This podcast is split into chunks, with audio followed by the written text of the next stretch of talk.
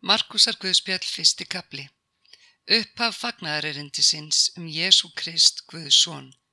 Svo er ritað hjá Jésaja spámanni. Sjá, ég sendi sendibóða minn á undan þér, er greiða mun veg þinn. Rött hrópanda í eigðumörk, greiðið veg drottins, gjörið beinar brautir hans. Þannig kom Jóhannes skýrari fram í óbyggðinni og pretikaði yðrunaskýr til fyrirgefningar synda og menn streymdu til hans frá allir í Júteubygð og allir í Jérúsalem búar og letu skýrast af honum í áni Jórdan og játuðu syndir sínar. En Jóhannes var í klæðum úr úlvalda háru með leðurbeltum lendar sér og átt engi sprettur og villihunang. Hann pretikaði svo. Sá kemur eftir mig sem mér er máttugri og er ég ekki verðu þess að krjúpa niður og leysa skóðfeng hans. Ég hef skýrtið með vatni en hann mun skýra yður með heilugum anda. Svo bar við á þeim dögum að Jésús kom frá Nazaret í Galilegu og var skýrður af Jóhannes í Jórdan.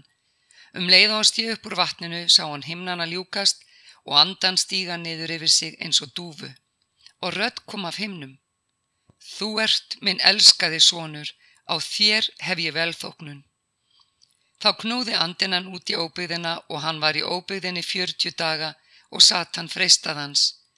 Hann hafðist við með alvillidýra og englar þjónuð honum. Þegar Jóhannes hafi verið tekin höndum kom Jésús til Galili og pretikaði fagnarerindi Guðs og sagði Tíminn er fullnaður og Guðs ríki í nánd, görið yðrun og trúið fagnarerindinu. Jésús var að gangi með Galilegu vatni og sá Símón og Andres bróður Símónar vera að kasta netum í vatnið en þeir voru fiskimenn. Jésús sagði við þá, komið og fylgið mér og ég mun látið þér menn veiða og þegar í stað letu þeir eftir netin og fylgdónum. Hann gekk skamt þaðan og sá Jakob Sepetuðsson og Jóhannes bróður hans og voru þeir einning á báti að búa net. Jésús kallaði þá og þeir yfirgáðu Sepetuðs föðu sinn hjá daglunamönnunum í bátnum og fylgdónum. Þeir komið til Kapenám og kvíldadaginn gekk Jésús í samkunduna og kendi. Undruðis menn mjög kenningu hans því hann kendi þeim eins og sáur valdhefur og ekki eins og fræðimennir. Þar var í samkundu þeirra maður haldin órinum anda.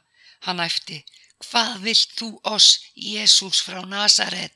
Ert þú komin að tortíma oss? Ég veit hver þú ert, hinn heila í Guðs. Jésús hastaði á hann og meldi, þegið þú og far út af honum. Þá tegði órinni andin mannin, rak upp hljóð mikill og fór út af honum. Sló felmtri á alla og hver spurði annan, hvað er þetta? Ný kenning með valdi, hann skipar jáfnvel óhrinnum öndum og þeir hlýðunum og orðstýr hans bast þegar um alla galilegu.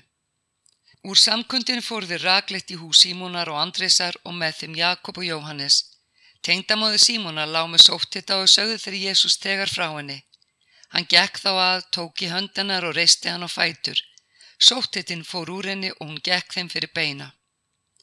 Þegar kvöld var komið og sólinn sest færðu menn til hans alla þáir sjúkir voru og haldnir ítlum öndum og allur bærin var saman komin við dyrnar. Hann læknaði marga er þjáðust af ímsum sjúkdómum og rak út marga ítla anda en ítla öndunum bannaðan að tala því þeir vissu hver hann var. Og árla löngu fyrir dögun fór hann á fætur og gekk út, vekburt og óbyrðan stað og baðist fyrir. Þeir Símón leituð hann uppi og þegar þeir fundan sögðu þeir við hann. Allir er að leita þér. Hann sagði þá við þá. Við skulum fara annað í þorpin hér í grend svo ég geti einnig pretikað þar því að til þess er ég komin. Og hann fór og pretikaði í sangundum þeirra í allri galilegu og rak út í landa. Maður nokkur líkþrár kom til hans, fjall á kní og baðan. Ef þú vilt, getur þú hreinsa mig og hann kendi brjóstum mannin, rétt út höndina, snartan og mælti. Ég vil, verð þú hreitn. Japskjótt kvarf af hann líkþráinn og hann var hreitn og Jésús let hann fara, lagði ríkt á við hann og sagði Gæt þess að segja engum neitt en far þú, sín þig prestinum og fórna fyrir hreinsun þína því sem Móses bauð, þeim til vitnisburðar. En maðurinn gekk burt og rætti margt um þetta og viðfræði mjög svo að Jésús gati ekki framar komið ofinbörlega í neina borg, heldur hafðist þið úti á óbyggðum stöðum, en menn komið til hans hvaða næfa. Markus 2 Nokkru dögum síðar kom hann aftur til Kapenám. Þegar fréttist að hann væri heima söpnuðist þar svo margir að hvergi var lengur rúm, ekki einu sinni fyrir dyrum úti. Og hann flutti þeim orðið. Þá er komið með lama mann og báru fjórir. Þegar þeir gátt ekki komið smiðan til Jésús fyrir fólkinu, rufu þeir þekjuna upp yfir honum, grófu þar í gegn og letu síga ofan í rekkjuna sem hinn lami lág í. Þá er Jésús sér trúðir að segja hann við lama mannin. Barnið mitt, syndir þínar eru fyrirgefnar. Þar sátu nokkru fræðimenn og hugsuði hjörtum sínum. Hví mælir þessi maður svo, hann guðlastar. Hver getur fyrirgefið syndir nema guð einn? Samstundis ginjaði Jésús í anda sínum að þeir hugsuðu þannig með sér og hann sagði við þá. Hví hugsið er slíkt í hjörtum eðar? Hvort er auðveldar að segja við lama mannin syndi þínar eru fyrirgefnar eða að segja statt upp, takk rekju þín og gakk? En til þess að þér vitið að mannsónurinn hefur vald til að fyrirgefa syndur í jörðu, þá segi ég þér. Og nú talar hann við lama mannin. Statt upp, takk rekju þína og far heim til þín. Hann stóð upp, tók jafnskjótt rekkjuna og gekk burt í allra augsín, svo að allir voru furðu losnir, lofuðu guð og sögðu. Aldrei áður höfum við þvílikt séð. Aftur fór hann út og gekk með vatninu og allur mannfjöldin kom til hans og hann kendi þeim. Og er hann gekk þar sá hann Levi Alfeusson sitja hjá tollbúðinni og hann segir við hann Fylg þú mér og hann stóð upp og fylgd honum. Svo bara við að Jésús satt að borði í húsi hans og margir tollheimtumenn og bersundýjur sátu þar með honum og læri sveinum hans en margir fylgd honum. Fræðiminnaflokki farið segja sem sá að hann samneitti bersindugum og tollheimtumönnum sögðu þá við læri svina hans. Hann etur með tollheimtumönnum og bersindugum. Jésús heyrði þetta og svaraði þeim. Ekki þurfa heilbreyði læknisvið, heldur þeir sem sjúkir eru. Ég er ekki komin til að kalla réttláta, heldur synduga. Læri svinar Jóhannesar og farið segjar heldur nú föstu og þá koma menn til Jésu og spyrja hann. Hví fasta lærisvinnar Jóhannesar og lærisvinnar farisea en þínir lærisvinnar fasta ekki? Jésús svaraði þeim, hvort geta brúkupsgesti fastað meðan brúkuminn er hjá þeim? Alla þá stund sem brúkuminn er hjá þeim geta þeir ekki fastað. En koma muni þér dagar er brúkuminn verið frá þeim tekin og þá muni þeir fasta á þeim degi. Engin saumar bót af óþæfðum dúk á gamalt fat því þá rýfur nýja bótin af hennu gamla og verður af verri rifa. Og engin lætur nýtt vín á gamla belgi, því þá sprengir vínið belgin og vínið ónýtist og belgirnir. Nýtt vín er látið á nýja belgi. Svo bara við að Jésús fórum sáðlund á kvíldardegi og lærisvinnur hans tóka að týna kortnöks á leiðinni. Farið sétni sögðu þá við hann. Lít á, hví kjöra er það sem ekki er leifilegt á kvíldardegi? Hann svaraði þeim. Hafið þér aldrei lesið hvað Davíð gjörði er honum lág á þegar hann hungraði og menn hans. Hann fór inn í Guðs hús þegar Abiatar var aðisti prestur og átt skoðanabröðin en þau má engin etta nema prestarnir og gaf líka mönnunum sínum. Hann sagði þá við þá, kvíldardagurinn var til mannsins vegna og eigi maðurinn vegna kvíldardagsins. Því er mannsonurinn einnig herra kvíldardagsins. Markus 3 Öðru sinni gekk hann í samkunduhús. Þar var maður með vissna hönd og höfðu þeir nánar gætur á Jésu hvort hann læknaði hann á kvíldardegi. Þeir höfðust kæran. Og Jésu segi við mannin með vissnu höndina. Statt upp og kom hér fram. Síðan spyr hann þá. Hvort er heldur leifilegt að gera gott eða gera ílt á kvíldardegi, bjarga lífi eða deyða? En þeir þögðu. Og hann leiti kringa þá með reyði sár hryggur yfir harðúð hjartna þeirra og sagði við mannin Réttu fram hönd þína. Hann rétti fram höndina og hún var þeil. Þá gengu farisiðarnir út og tóku þegar með Herodesar sinnum saman ráð sín gegn honum, hvernig þeir getu náð lífi hans.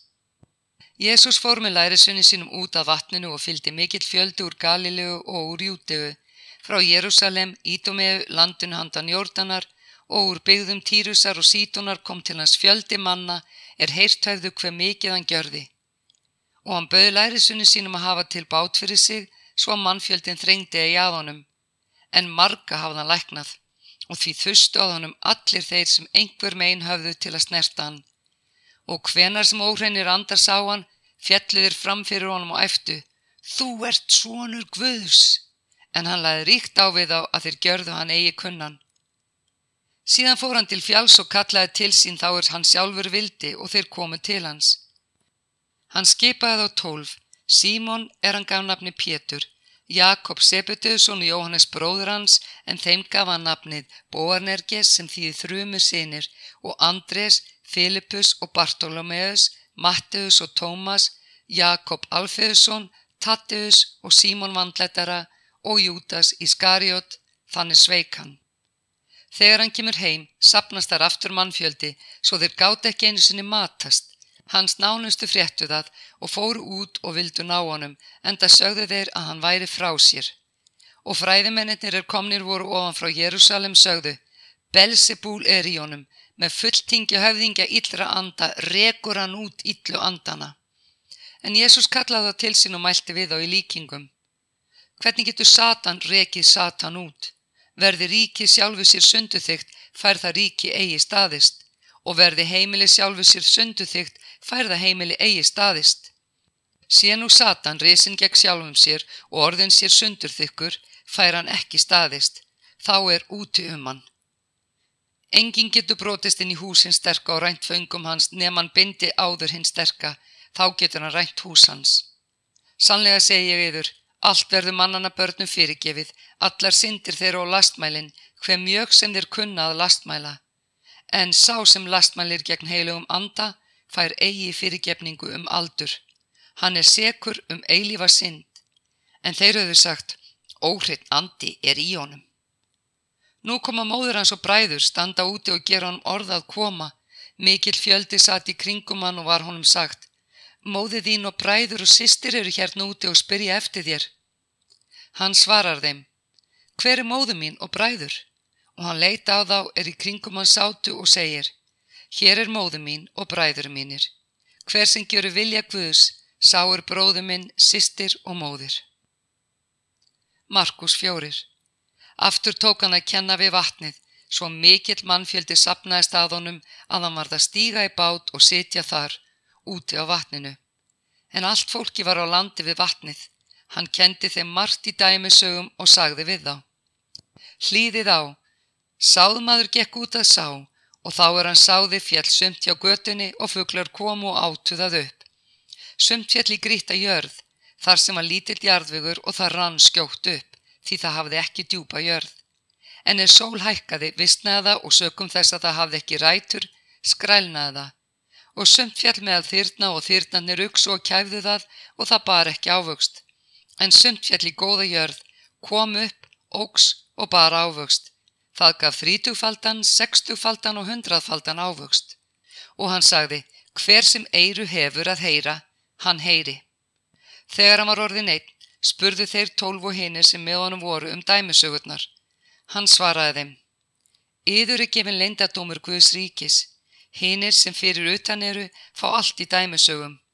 Að sjáandi sjáu þeir og skinni ekki, heyrandi heyri þeir og skilji ekki, svo þeir snúi sér eigi og verði fyrirgefið og hann segir við þá Þér skiljið eigi þessa dæmisögu, hvernig fáð þér þá skilið nokkra dæmisögu? Sáðmaðurinn sáir orðinu. Það hjá götunni þar sem orðinu er sáð merkir þá sem heyra, en Satan kemur jafnskjótt og tekur burt orðið sem í þá var sáð. Eins það sem sáð var í grítajörð, það merkir þá sem taka orðinu með fögnuði um leið og þeir heyra það, en hafa enga rótfestu. Þeir eru kvikulir og er þrenging verður síðan eða ofsökk vegna orðsins bregðastir þegar. Öðru var sáð meðal fyrna, það merki þá sem heyra orðið, en áhyggjur heimsins, tál auðafanna og aðrar gindir koma til og kefja orðið, svo það ber engan ávöxt. Hitt sem sáð var í góðajörð, merki þá sem heyra orðið, taka við því og bera þrítugfaldan, sextugfaldan og hundraðfaldan ávöxt. Og hann sagði við þá, ekki bera menn ljósinn og setja þau undir mælikir eða bekk, er það ekki sett á ljósastyku? því ekkert úr hulið að það verði eigi gjört ofinbert nýja lengt að það komi ekki ljós. Ef einhver hefur eiru að heyra, hann heyri. En sagðan við þá, gætið að hvað þér heyrið, með þeim mæli sem þér mælið mun yfir mælt verða og við yfir bætt, því að þeim sem hefur mun gefið verða og frá þeim sem eigi hefur mun tekið verða, jável það sem hann hefur. Og þá sagðan, svo er Guðs ríki sem maður sáu sæði í jörð. Hann sefur síðan og vakir nætur og daga en sæðið grær og vex. Hann veit ekki með hverjum hætti. Sjálfkrafa ber jörðin ávöxt fyrst stráið, þá aksið og síðan fullvaksið kveiti í aksinu. En þá er ávöxturinn er fullþróska, lætur hann þegar bera út sigðina því að uppskeran er komin. Og hann sagði, við hvað eigum við að líka Guðs ríki, með hvaða dæmi eigum við að lýsa því. Líkt er það mustaskortni og þegar því er sáð í mold er það smærra hverju sáðkortni á jörðu. En eftir að því er sáð tekur það að spretta. Það verður öllum júrtum meira og fær svo stórar greinar að fugglar heimins geta hreyðra sig í skugga þess. Í mörgum slíkum dæmusögum flutti hann þeim orðið svo sem þeir gátu numið og án dæmisagna talaði hann ekki til þeirra, en fyrir lærisveinu sínum skýrði hann allt þegar þeir voru einir. Að kvöldi sama dag sagðan við þá, förum yfirum. Þeir skildu þá við mannfjöldan og tóku hann með sér þar sem hann var í bátnum, en aðri bátar voru með honum. Þá brast á storm hrina mikil og fjallu öldurnar inn í bátinn svo viðláðan fylti Jésús var í skuttnum og svaf á kotta. Þeir vöktu hann og sögðu við hann, Meistari, hyrðir þú ekki um að við förumst? Hann vaknaði, hastaði á vindin og sagði við vatnið, Þegi þú, haf fljótt um þig. Þá lægði vindin og gerði stilli logn og hann sagði við þá, Hví er þér hrættir, hafið þér enn enga trú? En þeir urðu miklum óttalosnir og sögðu hver við annan, Hver er þessi? Jável vindur og vatn hlýðu honum. Markus 5 Þeir komu nú yfir um vatnið í byggð gera sinna og um leið og Jésús tje úr bátnum kom maður á mótónum frá gröfunum haldun óhreinum anda. Hann hafðist við í gröfunum og engin gatt lengur bundið hann, ekki einu sinni með hlekkjum. Oft hafði hann verið fjötraður á fótum og höndum en hann braut jafnóðum af sér hlekkina og sleit fjötrana og gatt engin ráði við hann. Allar nætur og daga var hann í gröfunum eða á fjöllum, æfti og lamdi sig grjóti. Þegar hann sá Jésús álengdar hljópan og fjall fram fyrir honum og æfti hári röttu. Hvað vilt þú mér, Jésús, sonur Guðsins hæsta? Ég særiði við Guð, kveldu mig eigi. Því að Jésús hefði sagt við hann, þú óhritt andi far út af manninum. Jésús spurðan þá, hvað heitir þú? Hinn svaraði, Hersing heiti ég, við erum margir og hann bað Jésús ákaft að senda þá ekki brott úr héræðinu. En þar í fjallin var mikil svínahjörð og beit og þeir báðan, send oss í svínin, látus fara í þau. Hann lefði þeim það og fóru þá óhreinu andarnir út og í svínin og hjörðin nær tveim þúsundum ruttist fram af hamrinum í vatnið og druknaði þar. En hyrðarnir flýðu og sögðu tíðindin í borginu og sveitinni Menn fóru þá að sjá hvað gjörst hafði, komið til Jésús og sáu haldnamannin sem hersingin hafi verið í, sitja þar klættan og heilvita. Og þeir urðu hrættir. En sjónavottar sögðu þeim hvað fram hafi farið við haldnamannin og frá svínunum og þeir tóku að byggja Jésús að fara burt úr héruðum þeirra. Þá er hann stjæi bátinn, baðsáur haldin hafi verið að fá að vera með honum. En Jésús lefði honum það eigi, heldur sagði við hann. Far heim til þín og þinna og segð þeim hver mikið drottin hefur gjört fyrir þig og verð þér miskunnsamur. Hann fór og tók að kungjura í Dekapólis hver mikið Jésús hafi fyrir hann gjört og undruðist það allir. Þegar Jésús kom aftur yfir um að bátnum, sapnaðist á hann um mikill mannfjöldi þar sem hann var við vatnið. Þar kom og einn af samkundustjórum Jarius á nafni og er hann sá Jésús fjallan til fótonum, bað hann ákaft og sagði Dóttir mín litla er að dauða komin, komaleg hendur yfir hana að hún læknist og lifi. Jésús fór með honum og mikill mannfjöldi fyllt honum og var þröngt um hann. Þar var kona sem hafði haft blóðlátt í tólf ár. Hún hafði orðið margt að þóla hjá mörgum læknum, kostað til aðlegu sinni en engan bata fengið, öllu heldur vestnað. Hún heyrði um Jésu og kom nú í mannþröngin að baki honum og snart klæðans. Hún hugsaði, Ef ég fæ aðeins snert klæðans mun ég heil verða. Japskjótt þvar blóðlát hennar og hún fann það á sér að hún var heil að meini sínu. Jésús fann þegar á sjálfum sér að kraftur hafi farið út frá honum, hann snýri sér við í mannþrönginu og sagði, hver snart klæði mín? Læri svinnatni sögðu við hann, þú sérða mannfjöldin þrengir að þér og spyrð þó hver snart mig. Hann letaðist um til að sjá hver þetta hefði gjört, en konan sem vissi hvað framvið sig hafi farið kom hrætt og skjálfandi, fjellt til fóta honum og sagði honum allan sannleikan. Jésús sagði við hana, Dóttir, trú þín hefur bjargað þér, far þú í friði og ver heil meinaðinna. Meðan hann var að segja þetta koma menn heimann frá samkomtustjóranum og segja, Dóttir þín er látin, hví ómakar þú meistar hann lengur. Jésús heyrðu hvað þeir sögðu en gaf ekki um, heldur sagði við samkomtustjóran. Óttast ekki, trú þú aðeins. Og nú leifðan engum að fylgja sér nema Pétri og þeim bræðrum Jakobi og Jóhannesi. Þeir koma að húsi samkundustjórans, þar sér hann að allt er í uppnámi, grátur mikill og kveinan. Hann gengur inn og segir við þá, hví hafið þið svo hátt og grátið, barnið er ekki dáið, það sefur. En þeir hló á hannum. Þá leta hann alla fara út og tók með sér för bassins og móður og þá sem með honum voru og gekk þar inn sem barnið var. Og hann tók hönd barsins og sagði, tali það kum. Það þýr, stúlka litla, ég segi þér, rís upp. Jafn skjótt reið stúlkan upp og fór að ganga um, en hún var tólvara, og menn urðu frá sinnumdir af undrun. En hann lagði ríkt á við á að láta engan vita þetta og bauð að gefinni að eta.